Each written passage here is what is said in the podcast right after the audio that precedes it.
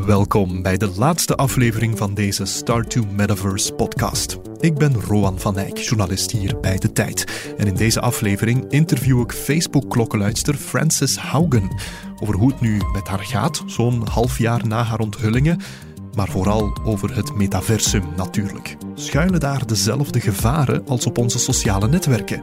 En hoe gaan we de fouten van het verleden vermijden in die brave new world? Haugen is de perfecte vrouw om op die vragen te antwoorden.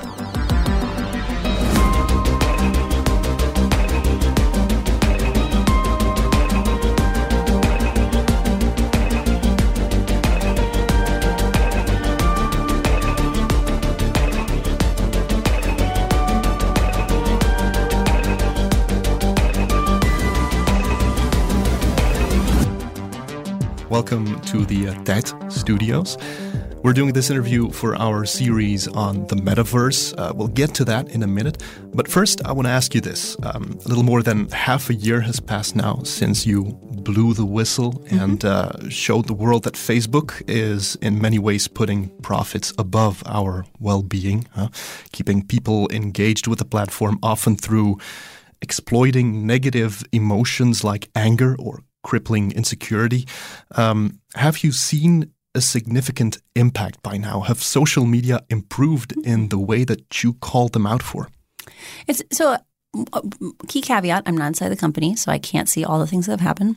But there are some things they've announced that are good steps in the right direction. So in the fall, they announced that they were going to change the way that they build their uh, AI moderation systems, their artificial intelligence, um, to allow them to expand to more languages. So it's a more efficient way of training these systems. I still think they're going to struggle with them being effective, but that's a different question. Mm-hmm. But they they at least listened to my criticism of we deserve to be safe no matter what language we speak, and they expanded their coverage. I think on the order of like hundred languages, but I don't know if they did all of their safety systems in all those languages. The second thing that was a big one was um, Instagram has existed for a long time. Like I think it came around in maybe 2011, yeah. 2009, somewhere mm-hmm. in there. And they've never had parental controls. And a couple of months ago, they launched parental controls for the first time. So like parents can see what's on, what their kids are looking at. They can um, put time budgets. They can give allowances to their kids.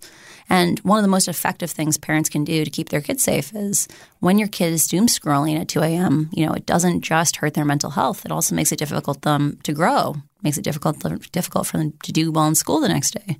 So time budgets are a real big step forward. So they are listening some, but the most important ways that they need to change, they haven't made progress on. Like they need to open up the data. They need to work with researchers. They need to be more transparent. We deserve to see what's in the algorithms uh, and all those things are still are still the next hills for us to climb together. Let's move on to our central topic, the metaverse. Um, it's a very new concept, isn't it? Throughout mm-hmm. this podcast, we've heard many definitions and ideas of what it actually is. What do you think the metaverse is at mm. this stage? The uh, the metaverse uh, as it was originally conceptualized. So, the first thing I want to touch on is the metaverse was not a good thing when it was originally written down. Right? There's a book from the 1980s called Snow Crash, and in Snow Crash, uh, the world is quite dystopian, right? So it's an extrapolation of the United States of today. So there's more and more economic inequality. People now live in things called burbclaves, which are like the suburbs, only they have fortress walls around them, and you have to go through security checkpoints. And most people live in horrible, um, decayed, you know, poor burbclaves and work horrible jobs. Sounds horrifying. It's, it's horrible, and so they hide in the metaverse. And I was so intrigued when uh, Facebook, now the Meta Corporation, renamed itself and announced, like, no, no, no, we are a metaverse company. Everyone's going to spend all day in the metaverse. Um, because, like, if we're spending all day in the metaverse, I think that's a giant red flag that something is profoundly wrong. um, so the idea of the metaverse is that there will be this simulated world and we'll wear headsets that allow us to immerse ourselves in virtual offices and virtual cafes and virtual bars and hang out with our, our virtual coworkers and virtual friends. Or maybe even robots right? They might just even be virtual pro- programmatic girlfriends virtual programmatic partners. Um, and uh, the thing that i worry about is um, we already are seeing a thing where where kids are becoming more and more isolated. Where you know being a teenager, learning how to communicate, learning how to socialize is hard. And we have been stripping our public spaces of, especially in the United States, especially in the United States, we've been stripping our public spaces of places that are, are known as third places. Mm-hmm. So you have home, you have work, you have your third places. So third places are places like church, coffee shops, uh, clubs, like like a like a fraternal order, right? Um, uh, art classes, things where you can go and socialize with people that are not your home. And in the United States, we've been defunding community centers, and people don't go to church as much. And and and our, our community fabric, people don't aren't part of bowling leagues anymore. Um, uh, and the thing I worry about is it used to be our children learned to socialize by watching their parents have dinner parties, have cocktail parties. They got to go along to church and watch their parents make small talk at coffee hour. And we're, we, we need to be really cognizant, and I say this as a child of two parents that were very socially isolated, that when kids don't get those immersive experiences where they get to learn, they have to figure it out on their own. And it's hard. Like we take it for granted how hard it is to learn to socialize. And what we're what I worry we're doing is the metaverse may make the barrier barrier entry to socialize much much lower, but we might be ending, ending, ending up kind of what we do with social media today, where instead of making the effort to go to a bar and hang out with our friend, we feel that we have connected with them because we chatted with them on on, on Messenger mm-hmm. or we saw their, their, their post on, on Instagram and we're like, oh, I, I know what happened to my friend recently. And and to give people some context, like what's going to happen to a 16 year old who feels really awkward about their body, right? Like they they're, they're looking kind of awkward. They don't like where they live. Their friends aren't very cool, but you know, every day when they come home, they can put on their headset and their apartment is really cool now, and their yeah. clothes are really cool now, and they look great and they're handsome, and their friends, their virtual friends who only know them as their avatar, you know, um, what happens to that kid psychologically where at the end of the night they go to brush their teeth and they look in the mirror and now they see their their their physical form? Like are they going to not like themselves? Mm-hmm. like does that does that push you more and more into the metaverse every time you get that little like ugh about yourself? And i just i we don't know yet what those implications are going to be. And it's even things as simple as you know we're putting screens millimeters away from children's eyes and what's what's sh- shocking to me is like I've looked at the safety data. So officially, Oculus, which is the Meta Corporation's new headset, mm-hmm. um, is not for use by children under the age of thirteen.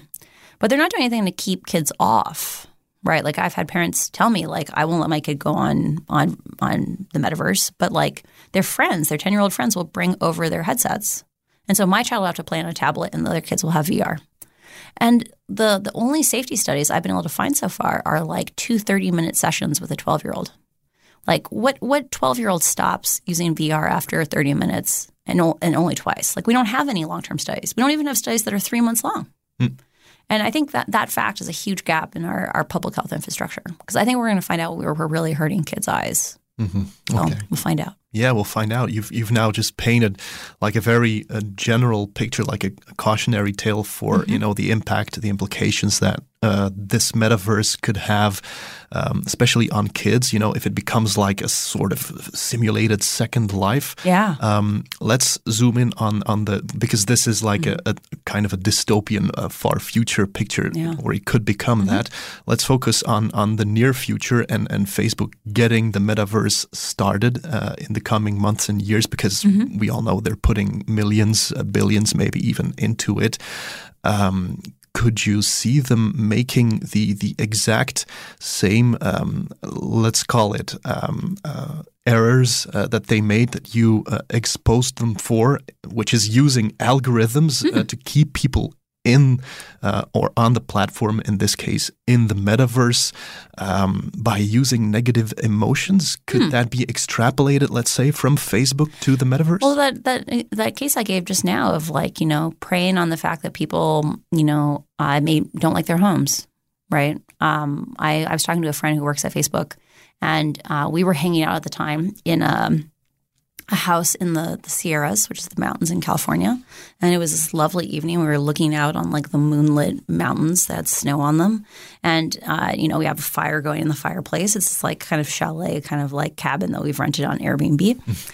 and, and he was like, you know, a space just like this is the, the, most popular place that people like to hang out in, in Horizons, which is like the virtual world for, for Facebook. People really like hanging out in ca- cabins in the mountains. And, and, you know, that, that whole thing, the escapism, right? The whole point of the metaverse is it's more immersive, it's more pleasurable than a flat screen. Mm-hmm. Um, like that, that is a thing that can prey on negative emotions. And they could write like an, an algorithm to, yeah. to play into that. Uh, so they use algorithms much less. So like my concerns with um, with Instagram or with Facebook are that f- every time you open those apps, they have ten thousand pieces of content or hundred thousand pieces of content just for you to consider showing to you, and the algorithm has biases towards extreme content. That's my concern on the algorithms. Um, the the issue in the metaverse is more structural. So the reason why Meta wants to have the metaverse is when right now they have unitary platforms. So they have Instagram, they have Facebook, they control everything about these platforms. Um, that means they have full responsibility. They want to move to a model that's like the App Store, where oh, you got harassed in that game. You got someone yell, kept yelling hate speech until you left that game. Uh, you uh, there's child porn in that game. Oh, well, I'm so sorry. I'm so sorry. That sounds really tragic. But you know, we just made the hardware.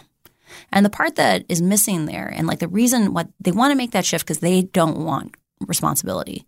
But the part that they're ignoring, and we have to hold them accountable on this, is they could be writing uh, APIs, they could be writing libraries, they could be writing code and infrastructure They worked across all the games. They already are doing that for the accelerometers in the headset and the, the, the joysticks. They're already doing that. They could be writing software that says, hey, we know 1% of people are going to be the people who grope women in the metaverse, which is already happening. Uh, but when someone gets kicked out of a game, maybe the next game should know that that guy got kicked out for groping someone um, because that kind of software where you can say, hey, we need context across games and we need to make it easy for games to keep everyone safe. Or let's talk about moderation. Uh, if Facebook is struggling to handle more than a handful of languages today, how is a, a game one thousandth the size of Facebook supposed to do that, or one ten thousandth the size? Mm. Well, if Facebook built out a platform, like a platform that made it easy to do access content moderation, or moderators, or, or, or different, or write the moderation AIs, um, uh, suddenly it makes it much more feasible for many more systems to be safe. And so Facebook needs to take a higher level of responsibility, and we need to have them have something called supply chain responsibility. Like if you had a factory today and you didn't use slave labor, but one of your subcontractors did, you would still be liable. At least to ask. They'd be like, Did you ask questions? Did you go check the, the subcontractor factory? Did you work with a certification board? Oh, you didn't? Okay, you're negligent. Of course. And so we need to extend those same physical world standards to the virtual world. Facebook shouldn't be able to just kind of shift the attention and say, "Oh, now we have no responsibilities." Maybe let's let's let's focus on the positive now. Sure. Um, do you see signs that Meta and, and maybe other companies uh, working to develop the metaverse are taking precautions to, let's say, get it right this time? Uh, Facebook made a very big deal when they announced their switch to being the Meta Corporation. So a number of people said that it seemed like their rollout was a little rushed. I wonder why they rushed it. Mm-hmm. Um, but the uh, they spent five minutes in that video saying the words "safety by design" over and over again. Mm-hmm. Um, the only way I would trust Facebook with how Meta's going is if they were public. Like, you know, if they had public forums where people could raise concerns now and they worked with the public to have plans around how those things are going to go. And I haven't seen them do any of that. And so if they want to reach out to me and tell me about those efforts and how I, I just overlook them, I would love to chat with them because we all deserve systems that make us feel good, that we feel proud of. And the metaverse could be transformative. I think there's lots and lots of good it could, could create. But right now, I haven't seen them demonstrating that they've learned anything from what happened with Instagram or Facebook. Okay, so so for now, your answer is no. I'm I'm not seeing them uh, Yeah. giving off these signs that they will get it right this time. So how then um, can we Hmm. make sure that they get it right? What should we ask the the big tech giants like uh, Meta to do in in order to make the metaverse a place that's healthy and safe for all of us? So, uh, Europe recently came to a political agreement on something called the Digital Services Act. And one of the things that I'm very excited about the Digital Services Act is it requires mandatory risk assessments between the companies and um, the regulator on a regular basis. I think it's like every six months. And I think that has a huge opportunity to help us get the metaverse more right earlier. So instead of waiting 10 years for some of these fears to play out, you know, being able to have conversations up front and say things like, hey, we noticed when you rolled out Horizons, which is their the meta virtual world, uh, that you know you had to rush out right afterwards. You know, this four foot radius where no one could get closer than four feet from each other because women got groped. Uh, could you tell us about your plans around you know sexual harassment? Like what what do you currently do? So we think sexual sexual harassment is a risk. What's your plans on it? What are you, you going to do to make sure the space is inclusive and welcoming for women? And even just uh, introducing that question in a, in a formal environment, that's going to make them think more and, and come back with hopefully answers saying, we're going to do X, Y, Z. Like, here's how we think we can deal with this problem. And just bringing more people to the table, that's the way to get software that works for more people. Mm-hmm. Many creators of metaverses uh, because we have Horizon, but we also have um, Decentraland, uh, for example. Uh, what's in a name? Uh, these people often say that the metaverse will be about decentralization. It's for the people, by the people, it's transparent. Do you think that's possible? Do you think it's possible to have like a metaverse that's not controlled by big tech yeah. corporations? Um, I certainly hope so. Um, one of the things that uh, Facebook has going for it is that they can burn $10 billion a year on, right? That, Yeah. that um, I believe that Apple is also doing a lot of effort and investment in the space, and they have a similar thing. They have a huge war chest that they can burn. Um, the uh, I, I I think there's I think there are real opportunities and real benefits of having things that are owned in, by like a DAO, right? So that's a decent that's um uh, it's like a cooperative almost, like um, many distributed systems. Uh, people own, say, a token or or ha- a thing that gives them some voting rights. And in some of these systems, um, things like imagine a version of YouTube where instead of it being owned by a corporation, it was owned by the creators that put the content on there. You know, you can make products that serve those creators more effectively. So, in the case of having a metaverse that's owned in a more decentralized manner, um, I would hope that that would be more user centric, that there would be more opportunities for, um, uh, you know, Facebook would be very different today if it hadn't been owned by a for profit corporation that had had to, had to, had to get us to consume more content every quarter. Right. So there's real advantages to different bu- bu- business business models. So uh, again, I'm I'm cautiously optimistic. Decentralization is really important, you know, as as a basis for for the metaverse. Um, I want to circle back a little to what you said about Europe, you know, pr- protecting uh, people uh, within, you know, the, the social media space and maybe soon the uh, the metaverse space. You've talked in the past about how lawmakers cannot keep up with the pace of technological uh, innovation coming out of Silicon Valley uh, and the likes. How are you, how are we going to make sure that the government can get a firm grip on the metaverse if it needs to? Um, so if if we're talking about uh, Facebook's centralized metaverse, then there's a very similar one to one analog to today. Um, uh, the fact that we they would have to do a risk assessment actually is also an education opportunity for those regulators, right? Like having, especially if those risk assessments are public, because it allows, say, civil society groups to chime in on whether or not they're effective risk assessments. Um, in the case of things like Web three and decentralized software, um, I, it becomes more complicated because one of the things that I am concerned about is uh, we I believe we can write social software that is decentralized. You know, it, it runs on the world computer. It's managed by a DAO. But there's also lots of ways that you could do it poorly. And I think once we start having software that runs autonomously from people, we're going to have real questions on like what goes forward from there. Because like, do you take down the whole network to stop that program if it, if it becomes too dangerous? Um, one of the things that I hope for is that it's self-correcting, right? That that part of the reason why many spaces that say we don't have rules uh, fall apart so fast is they're just not very pleasant places to hang out, right? There's a there's a a, a, a classic joke. Um, if you have a place where there are no witch hunts, suddenly all you have is witches. um, because it's one of these feedback cycles where um, I think nudity is a great example. Mm. Um, uh, if you have sites that allow you to post pornography, um, people will often not feel safe opening those software at work. Right, so it's one of those things of uh, part of why Facebook doesn't allow nudity is they wanted to grow as fast as possible, mm-hmm. and allowing nudity would not have allowed them to grow as fast as possible. And so there is some hope I have that that having some ability to do those kinds of things makes there be an incentive to build systems. Um, but I think we haven't talked enough about it yet. Like it's one of those things where we need to have more forward looking conversations because something might run away.